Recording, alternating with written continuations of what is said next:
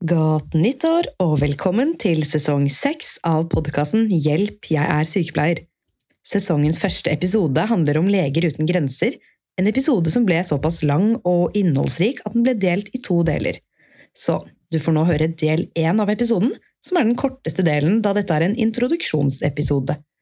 Episodens gjest og sykepleier heter Yngvild Elise Breivik og gir oss en god introduksjon i hva Leger uten grenser er, hvordan de ble til, hva de jobber for, og ikke minst hva som må til for å kunne jobbe som sykepleier i Leger uten grenser.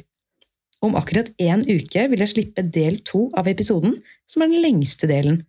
Der blir det fortalt historier fra den brutale virkeligheten, og spørsmål fra publikum blir besvart. Men i mellomtiden, kos dere med del én. Kjør intro! Norge har et av verdens beste helsevesen. Det eneste problemet er at det blir så mange eldre, og at det ikke er nok fagfolk til å ta seg av dem. Egentlig så har vi ganske mange helsepersonell i Norge, men et av problemene er at mange slutter etter ti år i yrket. Så da spør jeg dere politikere, hva har dere egentlig tenkt til å gjøre? Ikke bare for å rekruttere nye sykepleiere, men også beholde vi som er her. Hjelp, hjelp, jeg er sykepleier! Velkommen til en ny episode av Hjelp, jeg er sykepleier. Kjære alle sammen. Vi lever i en urolig verden, noe vi mennesker alltid har gjort. Det har gjennom alle tider vært naturkatastrofer, kriger, hungersnød og pandemier. Likevel har vi skandinavere vært nokså uberørt av dette i moderne tid. Ja, i hvert fall siden andre verdenskrig tok slutt den 8. mai i 1945. Men siden den teknologiske revolusjonen nådde nye høyder med både trådløs internett og smarttelefoner, så blir vi berørt av hva som skjer i andre deler av verden hver eneste dag. I tillegg reiser vi mennesker mer, noe som sprer nye mikrober til alle verdens land. Uansett hvilken krise som inntrer, så er én ting sikkert – verden trenger helsepersonell. I noen land er krisene og konfliktene såpass alvorlige og mangelen på helsepersonell og medisiner er såpass stort at sivilbefolkningen er helt avhengig av at frivilligheten stiller opp, og at helsearbeidere ofrer mye for å dra og hjelpe de som har aller minst. Nettopp en slik helsearbeider har jeg med meg i studio i dag, så da sier jeg bare velkommen så mye til deg, sykepleier Yngvild Elise Breivik, som har flere års erfaring som sykepleier i Leger uten grenser. Tusen takk. Vil du gi lytterne en kort introduksjon om deg selv? Eh, ja, jeg er eh, sykepleier. Jobber, eh, har jobbet som sykepleier siden 97. 98. Da var jeg ferdig utdannet. Da var jeg ganske voksen, så jeg brukte dette. Det var min andre utdanning etter at jeg hadde litt bakgrunn innen landbruk og økonomi. Mm. Da begynte jeg å jobbe i en liten kommune på Vestlandet. Jeg jobbet i primærhelsetjenesten innenfor psykiatri. Og etter hvert så flyttet jeg til Trondheim og begynte på akuttmedisin. Eh, først legevakta en periode, og så innenfor intensivmedisinen. Eh, da hadde jeg veldig lyst til å ta påbygg og, og bli spesialist eh, innenfor intensivmedisin. Det passet ikke helt med familiesituasjonen, så jeg tok et fag som het praktisk pedagogikk. Og tenkte jeg også hadde lyst til å bruke mer tid på å kunne mer om læring, utvikling av, eh, utvikling av kompetanse hos andre. For det driver jo vi med mye i sykepleien mm. når vi jobber. Nesten med en gang du er ferdig utdannet, så må du ta tak i internopplæring. Eh, du får studenter, du skal gi opplæring og informasjon til pårørende. Det syns jeg var en interessant del av sykepleien. Mm, og det tror jeg mange ikke tenker på, at det, den pedagogiske delen er en ganske stor del av å være sykepleier. Ja, og da var det fint å kunne få litt metoder og litt måter å, å jobbe på. Og så um, hadde jeg også en liten um, Begynt å bli Jeg hadde ung, eller var alene med barn, så jeg syntes det var fint også å komme litt ut av den turnusarbeidet som jeg hadde stått i en stund. Eh, det kunne være eh, godt å ha flere føtter å stå på også som sykepleier. Mm. Istedenfor at jeg gikk ned i eller inn i én eh, spesiell spesialitet, så holdt jeg mer og mer på bredde. Og det mm. har jeg i grunnen holdt på med siden, men jeg har stått i, i akuttmedisinen siden da også. Jeg har vært lærer i fem-seks år i videregående skole for helsefagarbeiderutdanningen. og, i starten var det hjelpepleie det het. Eh, og akkurat nå så er jeg, jeg har jeg fått en stilling og jobber litt som eh, lærer igjen i voksenopplæringen for helsefagarbeidere. I et ganske internasjonalt miljø i Oslo-skolen. Passer til deg, da. Det passer til meg, og når jeg kom dit, så følte jeg meg litt hjemme, for det er så bredt eh, i forhold til eh, sammensetning av eh, mennesker fra ulike land og ulike kulturer. Mm. Og fantastisk fint miljø, og fantastisk eh, ivrige og fine elever. Så fint å høre. Skal vi snakke litt om Leger uten grenser, da? Det er vel derfor vi er her i dag. Det er derfor vi er her, ja. Eller MSF, Medicine Sans Frontiers, sa jeg det riktig? Det sa du. Ja, Det er det som er den internasjonale, internasjonale tittelen. Det er det, og det er litt fordi at dette ble dannet i, i Frankrike av eh, noen leger fra, fra Frankrike. Mhm. Ja, Nå er du allerede inne på det jeg skulle spørre deg om. Om du kunne fortelle litt om bakgrunnshistorien til Leger uten grenser? Hvem som startet det, når det ble til, motivasjonen bak? Ja. Ja. Eh, I 1971 så var det en større konflikt eh, i Vest-Afrika, i Nigeria, der en eh, fraksjon eh, ville på en måte løsrive en, eh, en region fra Nigeria. Det var mye sykdom og sult og mye skader. Og jeg husker jo det også godt fra TV. Eh, Jeg husker vi snakket om konflikten og barna i Biafra. Eh, I Røde Kors så jobbet noen frivillige eh, leger som så dette her og, og jobbet der, og de opplevde angrep på klinikkene der de jobba. Og de ønsket å stille spørsmål rundt dette og være vitne til hva de så, og ikke minst sette behovene til de sivile og deres lidelser først. Og sammen med noen journalister så dannet de MSF, Medicine Saint Frantier, Leger uten grenser, når de kom hjem til Paris. Det var i 1971. Siden har de utvidet eh, og blitt større og, og har flere hovedkontor i Europa og også ut i, ut i andre deler av verden. Så dette um, ble til etter Røde Kors, da? Er det litt sånn Hva er forskjellen, på en måte? Eh, vi jobber eh, mye likt på noen av områdene, men vi har litt forskjellige utgangspunkt. Eh, litt forskjellig finansiert.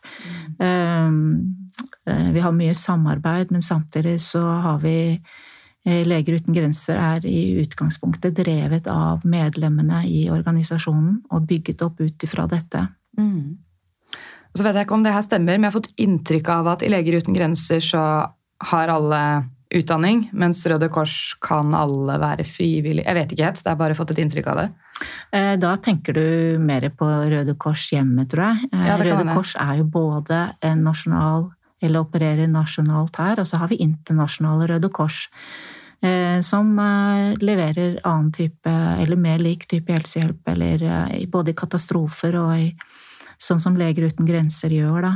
Mm. Men her hjemme i- Norge så er det mange som har fått sin bakgrunn eh, også innenfor erfaring i helsehjelp gjennom Røde Kors, og fått opplæring i førstehjelp og utrykning og, og beredskap. eh, Så en kjempefin organisasjon eh, både for ungdom og voksne.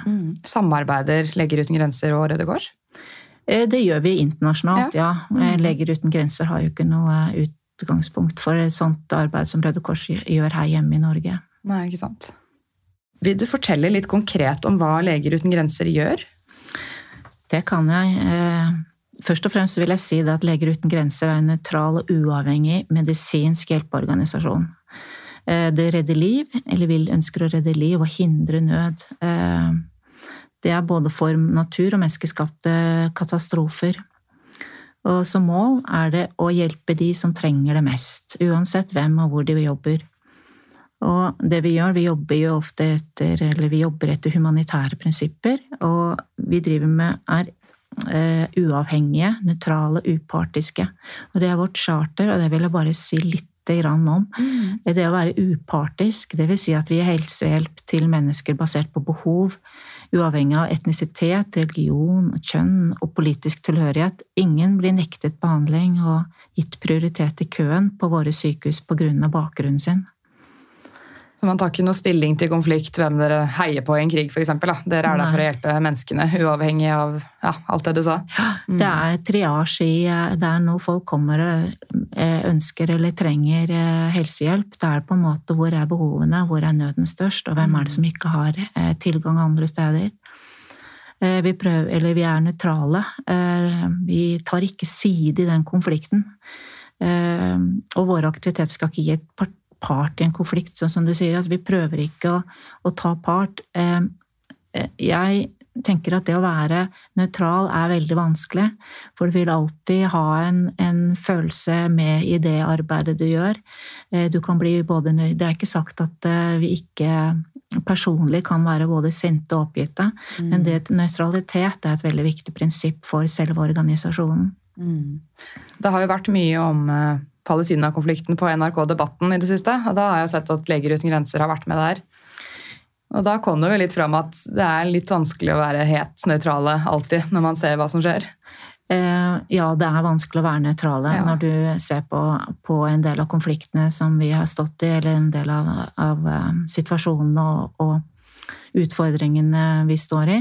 Mm. Eh, Gaza er en, et typisk eksempel på dette. Samtidig så, så vil vi prøve å være, eh, ha en måte å tenke på der eh, det er ikke partene i konflikten, men det er lidelsen hos menneskene som står sentralt. Og det er der også den sykepleien som jeg har bakgrunn i, kommer, da. Mm. Det å være eh, åpne og ta imot den pasienten som kommer. Eh, den pasienten og de pårørende er det mest viktige du står i når du står i, i mottak eller når du på, jobber på sykehuset nå. Og det er det hjemme i Norge. Det er på en måte et uh, prinsipp, et uh, prinsipp som gjelder i alle som jobber innenfor helse. Mm. Det har jeg jo snakket om i podkasten her før, i, i sesong én. Så pleide jeg å spørre gjestene hvem passer og hvem passer ikke til å bli sykepleiere. Jeg prøvde mm. å utfordre gjestene litt på det. Mm. skulle jeg prøve å svare på det selv en gang, for alle syns det er litt vanskelig å si hvem som ikke kan bli sykepleiere. Men da sa jeg at hvis man er en person som har lett for å dømme andre, f.eks. Eh, over seksuell legning, religion, politikk, da passer man kanskje ikke til å være sykepleier. Mm. Fordi man må faktisk behandle, behandle, alle likt. Ja, det er veldig riktig. Jeg er veldig mm. enig i det. Ja. Jeg vil også si at eh, vi er uavhengige, økonomisk uavhengige blant annet. Vi tar ikke eh, vi baserer En ting er at vi baserer alle vurderingene våre på vår egen eh, research. Da. Hvor er behovene i det området vi ser at det er der vi er. Vi styrer ikke av politiske eller andre interesser. Og vi tar svært sjelden imot statlige midler. Eh, per i dag kommer over 95 av all inntekt, eh, inntektene vi driver for, eh, fra private givere. Leger uten grenser, vi har prosjekt i ca. 75 land. Vi har 68 000 ansatte over hele verden. Og 90% av de er lokalt ansatte i de landene vi jobber i. Så det er mennesker som er fra de landene selv? Mm. Ja, ikke sant. Og så har vi eh, kontor sånn som her i Oslo, eller eh, Og vi jobber i store Eller i sentralkontor der det administreres. Eh, men også der det sitter også mye ressurser som støtter alt arbeidet vi gjør ute i prosjektene, både faglig og, og mer andre ressurser, da. Vi har et globalt budsjett på over to milliarder euro. Eh, har dere mange givere? Det høres sånn ut. Vi har mange givere. Ja. Eh, vi har mange private givere, men det kan vi stadig få mer. Vi, vi jobber helt inn med å prøve å verve givere.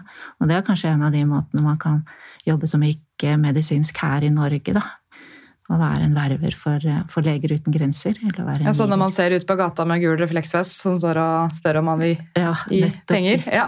Mm. Eh, det er jo et av spørsmålene som kommer til Q&A. Det er jo mm.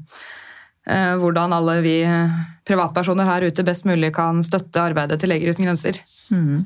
Så nå som vi først er inne på det, så kan vi egentlig bare svare på det. Det er å, å gi, rett og slett. Det er å gi, og ja. det er en å, å holde det er, Ja, jeg tenkte på litt det spørsmålet, at det er, det er å gi. Og så er det det å ikke tie stille. Det å være engasjert. Og ikke bli eh, passiv i forhold til alt det man hører. Mm. Eh, Du nevnte jo det at det var godt å slå av sosiale medier en Ja, jeg har hatt en pause nå. Ikke pga. konflikten i verden, men pga. mye forskjellig. Men Ja. det var deilig med en pause. Og, og det hører jeg andre gjøre, og nå må du ikke snakke så mye om det. eh, Kan jeg, jeg også få tilbakemelding på. Og jeg prøver på en måte å ikke snakke så mye om det, og ikke dele så mye om det, men det, det er vanskelig å være stille, og jeg tror vi aldri må være, må være stille. Vi må aldri eh, tie. Og det er også en måte å stette ikke bare Leger uten grenser, men eh, den, de verden, utfordringene verden har da, i forhold til helse og, og eh, tilgang på helsehjelp, tilgang Mm. på akutt eh, hjelp. Mm. Så det blir litt som eh, Arnulf Øverland sa, da. Du må ikke tåle så inderlig vel en urett som ikke rammer deg selv. Det er jeg helt enig i. Den lever i beste velgående, den Og du må ikke sove. Ja, det òg. Mm. For vi, man kan jo leve ganske skjerma vekk fra konflikter, sånn som vi gjør i Norge nå. Sånn, ja, vi kan ha dyre strømregninger, vi kan ha høye renter. Det kan bli lockdown pga. pandemi, men vi går ikke rundt i fare for å bli drept når som helst. Miste barna våre når som helst. Ikke på det nivået som skjer andre steder i verden. Mm. Men, men det er også viktig å ha et perspektiv at, at eh, når folk er i krise eller syns noe er vanskelig her i Norge, så er det liksom noen som man også må ta på alvor. For det er menneskesinnet, det er litt komplekst. Så en krise og en utfordring for enkeltmennesket og sykdom, selv om vi har tilgang på god helsehjelp og, og gratis helsehjelp, eh, så er det allikevel de samme krisene menneskene kan gå gjennom. Men eh, allikevel, vi sitter fordømt trygt i Norge og har det veldig, veldig bra. Mm. Ja. Jeg sier ikke at folk ikke har problemer i Norge òg, det har de så absolutt. Men du har nok sett litt andre typer problemer der ute, som Mm. verken jeg eller noen av mine kolleger aldri har sett.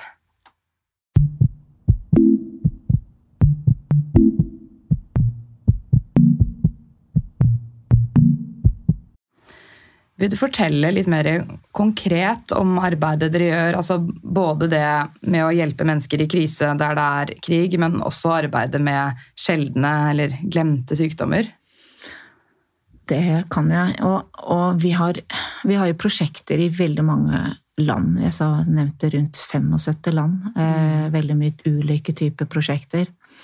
Vi jobber jo i mange konfliktområder. Eh, områder rammet av katastrofer, som jordskjelv og tørke. Men andre steder så jobber vi jo fordi at det er eh, befolkning eller områder har, har større sykdomsutbrudd eller større behov for eh, større helseutfordringer.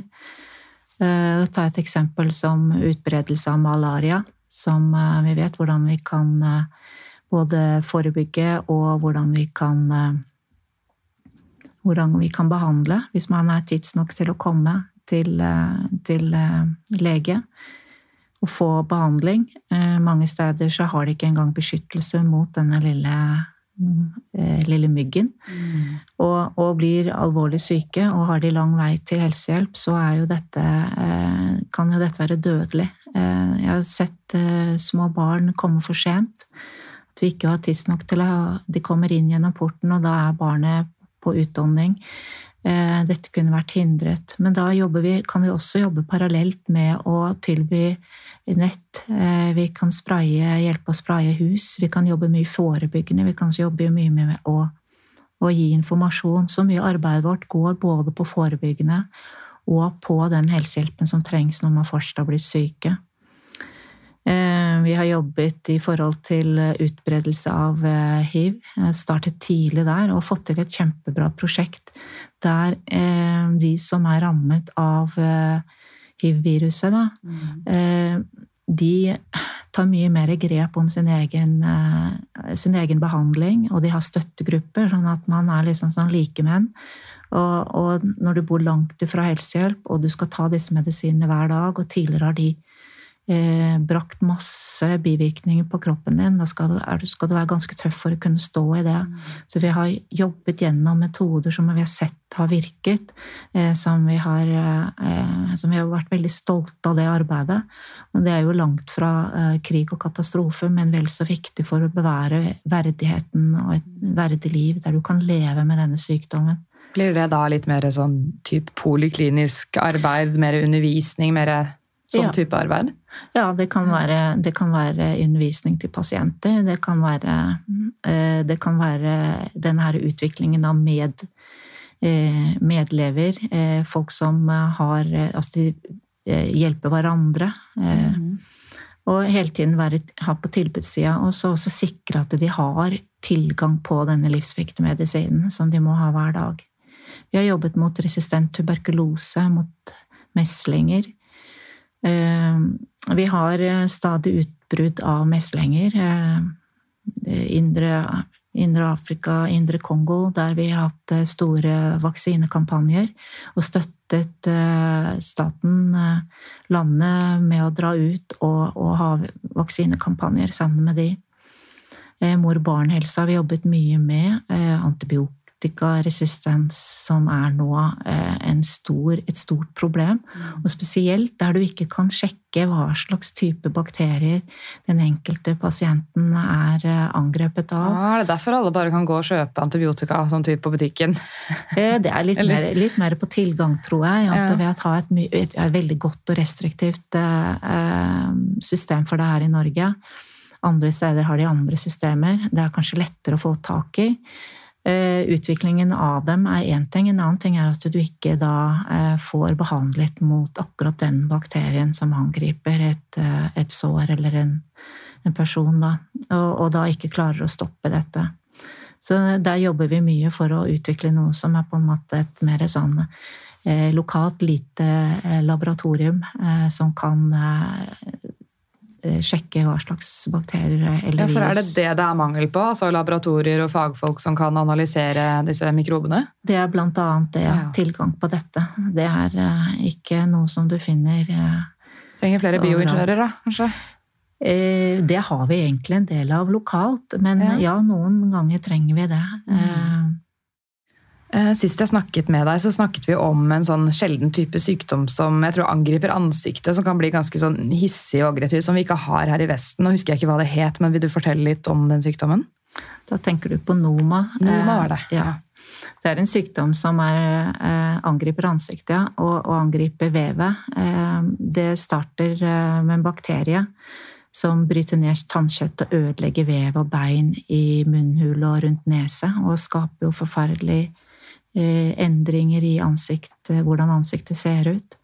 Eh, der har vi hatt prosjekter der vi prøver å rekonstruere eh, plastisk kirurgi og hjelpe de menneskene som har vært angrepet av dette. Det kan stoppes ganske tidlig, eh, men da må du ha på en måte tilgang eh, til hjelp. Det kan komme ut ifra kariesbakterier også, sånn at det der starter jo i munnhule og i, i betennelse i, i tenner og, og tannkjøtt. Og det kan forebygges med god munnhygiene? Det kan det også, Ja. og at du får be behandling eh, mens det ennå er eh, lite, et lite problem. Ja, Er det antibiotika, eller hva bruker man? Eh, Før man må operere, altså?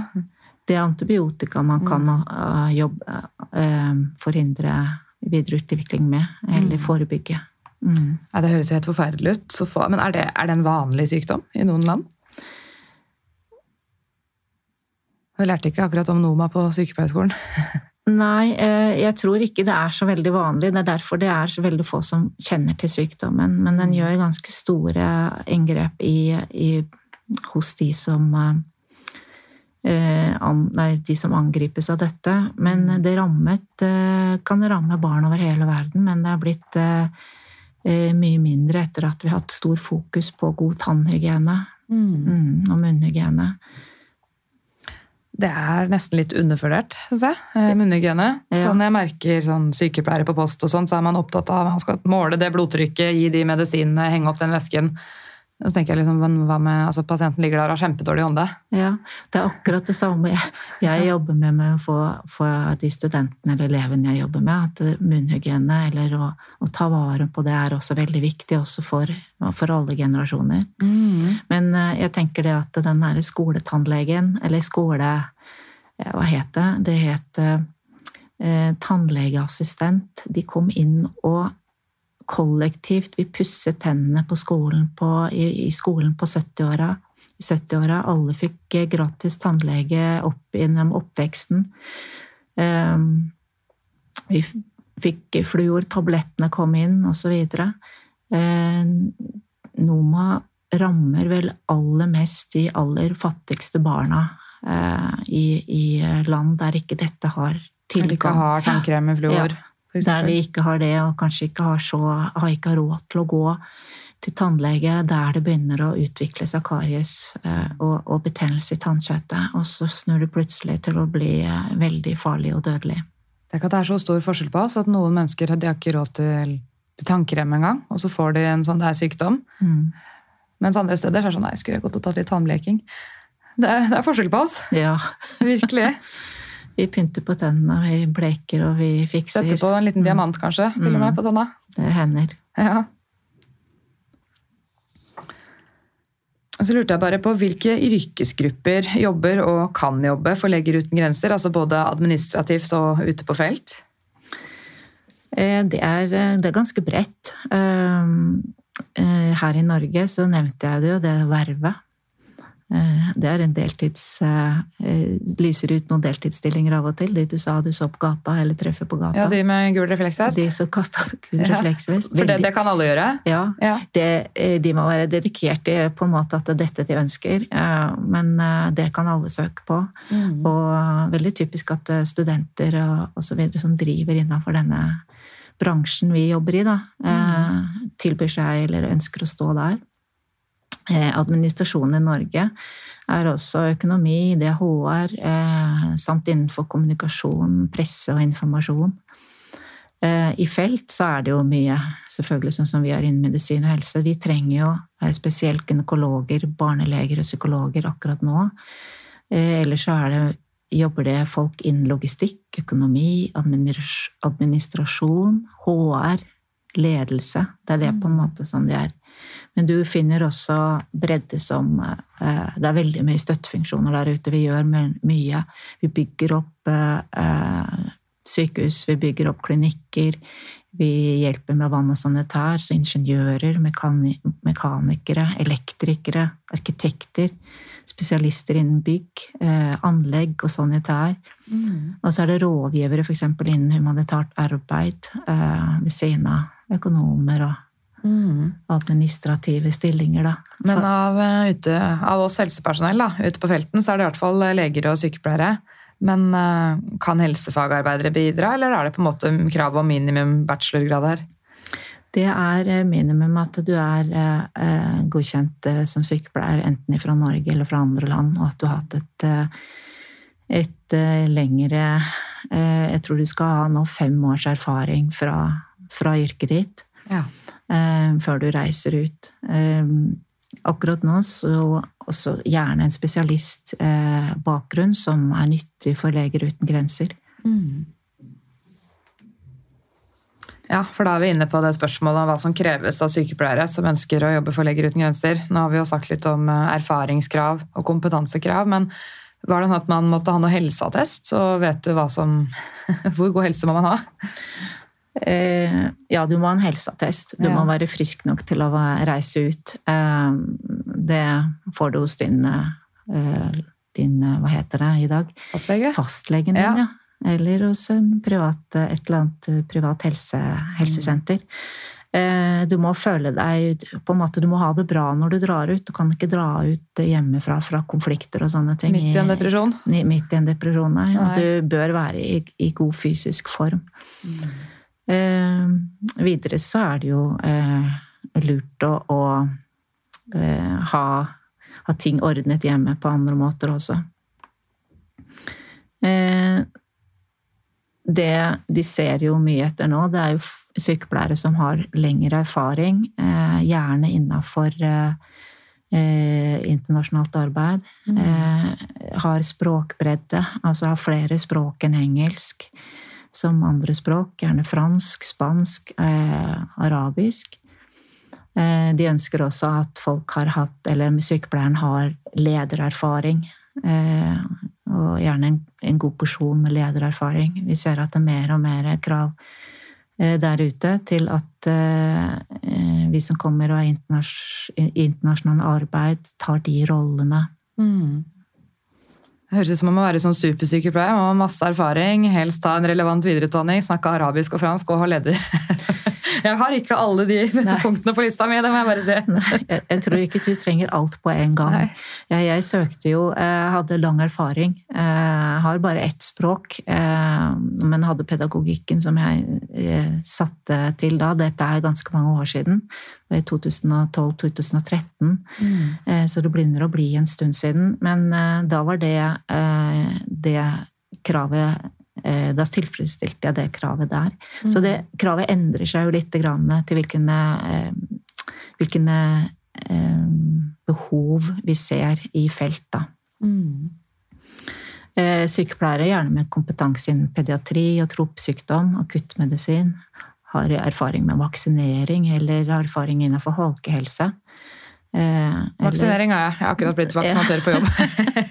Det er bra å vite litt grann om. For det er en ting som du ofte må være med på å administrere på en eller annen måte, om ikke at du er, eh, blir vaksi, vaks, hva heter det? Vaksinatør. vaksinatør. Ja. Ja. Ja. Det er lite hands on. eh, Det er mest å jobbe med å drifte. eh, Administrasjon og drifte. Fokusområdet er på en måte eh, ledelse og utvikling av lokalt ansatte fremfor direkte pasientarbeid. Eh, Så å kunne, kunne det å ha det i hendene, det pasientarbeidet, er jo viktig for å kunne, bli, kunne lede i den direkte retningen du vil. Men faglig veiledning kan være ganske utfordrende, der de lokale sykepleierne og helsearbeiderne ofte har en bredere erfaring med å håndtere tropsykdommer enn det du har vært Ja. eksponert for. Så eh, du lærer, når du først kommer ut der, så lærer du enormt mye. Eh, fra måter, måter å tenke på, måter å behandle på. Eh, de har det der erfaringen er for akkurat det hands on-arbeidet. Når det gjelder spesialisthelsetjeneste, å jobbe og innføre og sette opp en intensivklinikk, jobbe innenfor operasjon, jobbe innenfor eh, barn og mor-barn og sånne ting, så kan vi komme med vår spesialisterfaring. Men når det gjelder lokal behandling av mennesker, så er jo vi bare egentlig noviser hele veien. Vi er ikke så dyktige på det, men du lærer mye, og så tilpasser du deg, og så er du en god eh, partner for de som eh, jobber lokalt. Men kan det føles litt rart at, eh, at du på en måte skal komme ned og være sykepleier fra Norge og delegere og lede eh, noe som de egentlig kan bedre enn oss, når det kommer til tropesykdommer og sånt? da? Ja, nå kom jo ikke jeg ned dit som spesialist i trypesykdommer, for jeg kom jo dit eh, faktisk eh, med litt kunnskap om trypesykdommer, men heller i stor erfaring i å, å lede og drifte. Mm. og sette opp eh, i starten, da når jeg var med på å sette i stand litt sånn interne opplæringssystemer, eh, som kunne være på en måte ikke det vi alle kaller eh, eh, klinisk stige her, men at du kan utvikle deg innenfor eh, de rammene vi har, osv. Eh, tilpasse riktig kurs til behov, osv. Eh, så jeg er veldig, veldig ydmyk for hvem jeg er, og hva jeg kan. Og det som er så fint når vi jobber ute, det er at vi alltid jobber i team. Og jeg er aldri redd for å si at jeg, det er noe jeg ikke kan. Eh, eh, det er det eh, Det tror jeg vi har en ganske bra kultur for i Norge. I, vår, I vårt arbeid. At vi ikke går på oppgaver eller sier at vi tar på oss noe som vi ikke kan noe om. Et er lite tror- snev av janteloven som kommer godt med, kanskje? Ja, Jeg er ikke så fan av janteloven, jeg, altså. Men, Nei, eh, men, men dette at vi Nei, jeg tenker på dette her at vi er ganske eh, I hvert fall i, i min erfaring er det at jeg, jeg stort sett så jobber jeg med mennesker eh, som sier fra når de ikke kan noe. At de Nei, dette kan jeg ikke så godt, dette må jeg få kurs i, dette må jeg Men så står vi kanskje noen ganger i oppgaver der med å bare ta ansvar, bare gå på. Og det er det samme om du er inne og jobber i Norge, eller om du jobber i andre steder. Det hender at du må bare bøye ryggen og stå på og håpe at eh, det du gjør sammen med andre, aldri alene, eh, er eh, godt nok eh, og er bra nok. Ja, det er jo en del av yrket vårt at vi skal ikke gå utover eget kompetansefelt, men noen ganger så må man bare. Og da er det å bruke faglig skjønn, da. Mm. Rett og slett. Fordi man vil før eller siden bli kasta ut i en situasjon hvor man ikke egentlig helt vet hva man skal gjøre. Så man kan bli litt usikker, men eh, etter hvert så, så får vi jo erfaring derifra også, da. For det er jo innmari skummelt, men så er det innmari gøy når man får det til da, Mm. likevel. Ja, Mm. det er jeg enig i. Eh, hvis man søker jobb da, som sykepleier i Leger uten grenser, må man gjennom noe kursing? Eh, nei, egentlig ikke. Det vil si, de har et introduksjonskurs som gir deg en god innføring. Eh, før det så skal du ha både søkt, og du skal ha vært på et sånn introduksjonsmøte. Det har de, og de, hvis du ser på hjemmesiden til Leger uten grenser og på Facebook-sidene, så pleier de å annonsere eh, når de har på en måte et informasjonsmøte. På det møtet kan du stille alle de spørsmålene man har, og kanskje få et litt inntrykk. og Ofte møter man en feltarbeider der også. En som har vært ute og kan gi litt grann, eh, kjøtt på beina på, på hva dette her vil si. Da. Eh, videre så går du gjennom en slags, eh, et, en slags opptaks... eh, eh, Opptaksprøve?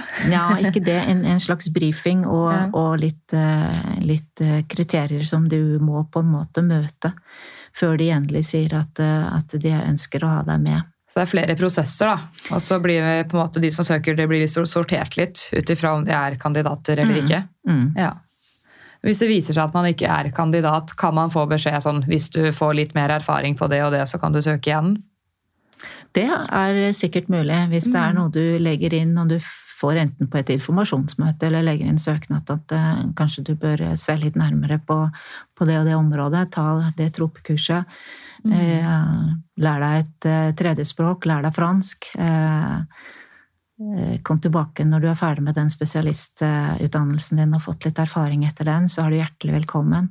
Så jeg tror ikke at man skal bare, hvis man virkelig ønsker å være med i denne i, i en sånn type arbeid, så, så tror jeg man må eh, prøve å tilpasse det mot de kriteriene, mot det behovet Leger uten grenser til enhver tid deler. Da. Jeg gjorde jo sånn selv. Eh, Jeg startet jo med at jeg tenkte at dette skal jeg være med på, og så begynte jeg å undersøke hva, treng, hva trenger jeg for å være med der. Og tok tropemedisinkurs. Jeg var med på noe som heter importsykdommer. eh, kurs i, eh, i Oslo. Det var eh, litt, lang, litt lenger fra trupp, som vanlig tropesykdomkurs og internasjonalt kurs, men det var om sykdommer som kommer inn hit, som på infeksjonsmedisinsk avdeling i, på Ullevål. Eh, Jeg gikk, tok meg tid til å, å sette meg inn i hva det var. Jeg snakket med mennesker som hadde vært ute som feltarbeidere. Kom i snakk med de. Og jeg leste et par bøker som var skrevet av mennesker som var ute, eller personer som har vært ute og jobbet med Leger uten grenser. Dermed skaffet jeg meg i grunnen en del eh, breddeinformasjon, sånn at jeg kunne ta et, eh, et valg på å søke. Du gikk all in, du, da. Jeg gikk all in. Ja. Dette bestemte jeg meg for tidlig, og jeg tenkte lenge på det. Du har nå hørt del én av episoden med sykepleier Yngvild fra Leger uten grenser. Du får høre del to om akkurat en uke. Da skal vi få høre litt mer om Yngvild sin erfaring som sykepleier i Leger uten grenser. Og det blir selvfølgelig en egen Q&A-del, der vi skal svare på spørsmål fra dere lyttere. Stay tuned! Takk for at du hørte på Hjelp, jeg er sykepleier. Hvis du likte episoden, blir jeg veldig glad hvis du vil dele den videre på relevante plattformer. Jeg blir også veldig glad hvis du vil anbefale den videre til venner, kolleger, medstudenter eller andre folk du tror kan få glede av denne podkasten. Hvis du vil få varsling neste gang det slippes en ny episode av Hjelp, jeg er sykepleier, så er det bare å trykke på abonner-knappen her hvor du hører på podkast.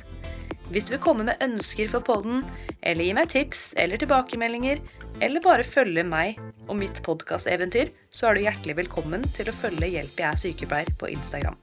Hjelp jeg sykepleiere sykepleier er også på Facebook, men det er på Instagram det er desidert mest aktivitet. Der har du også mulighet til å stille spørsmål til Q&A til fremtidige gjester av podden. Du kan også sende meg en mail, og mailadressen til Hjelp jeg er sykepleier står beskrevet i hver episodebeskrivelse.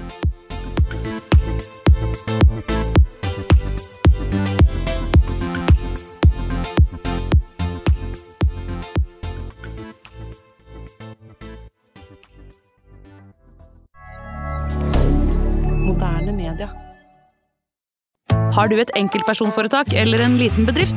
Da er du sikkert lei av å høre meg snakke om hvor enkelt det er med kvitteringer og bilag i fiken, så vi eh, gir oss her, vi. Fordi vi liker enkelt. Fiken superenkelt regnskap.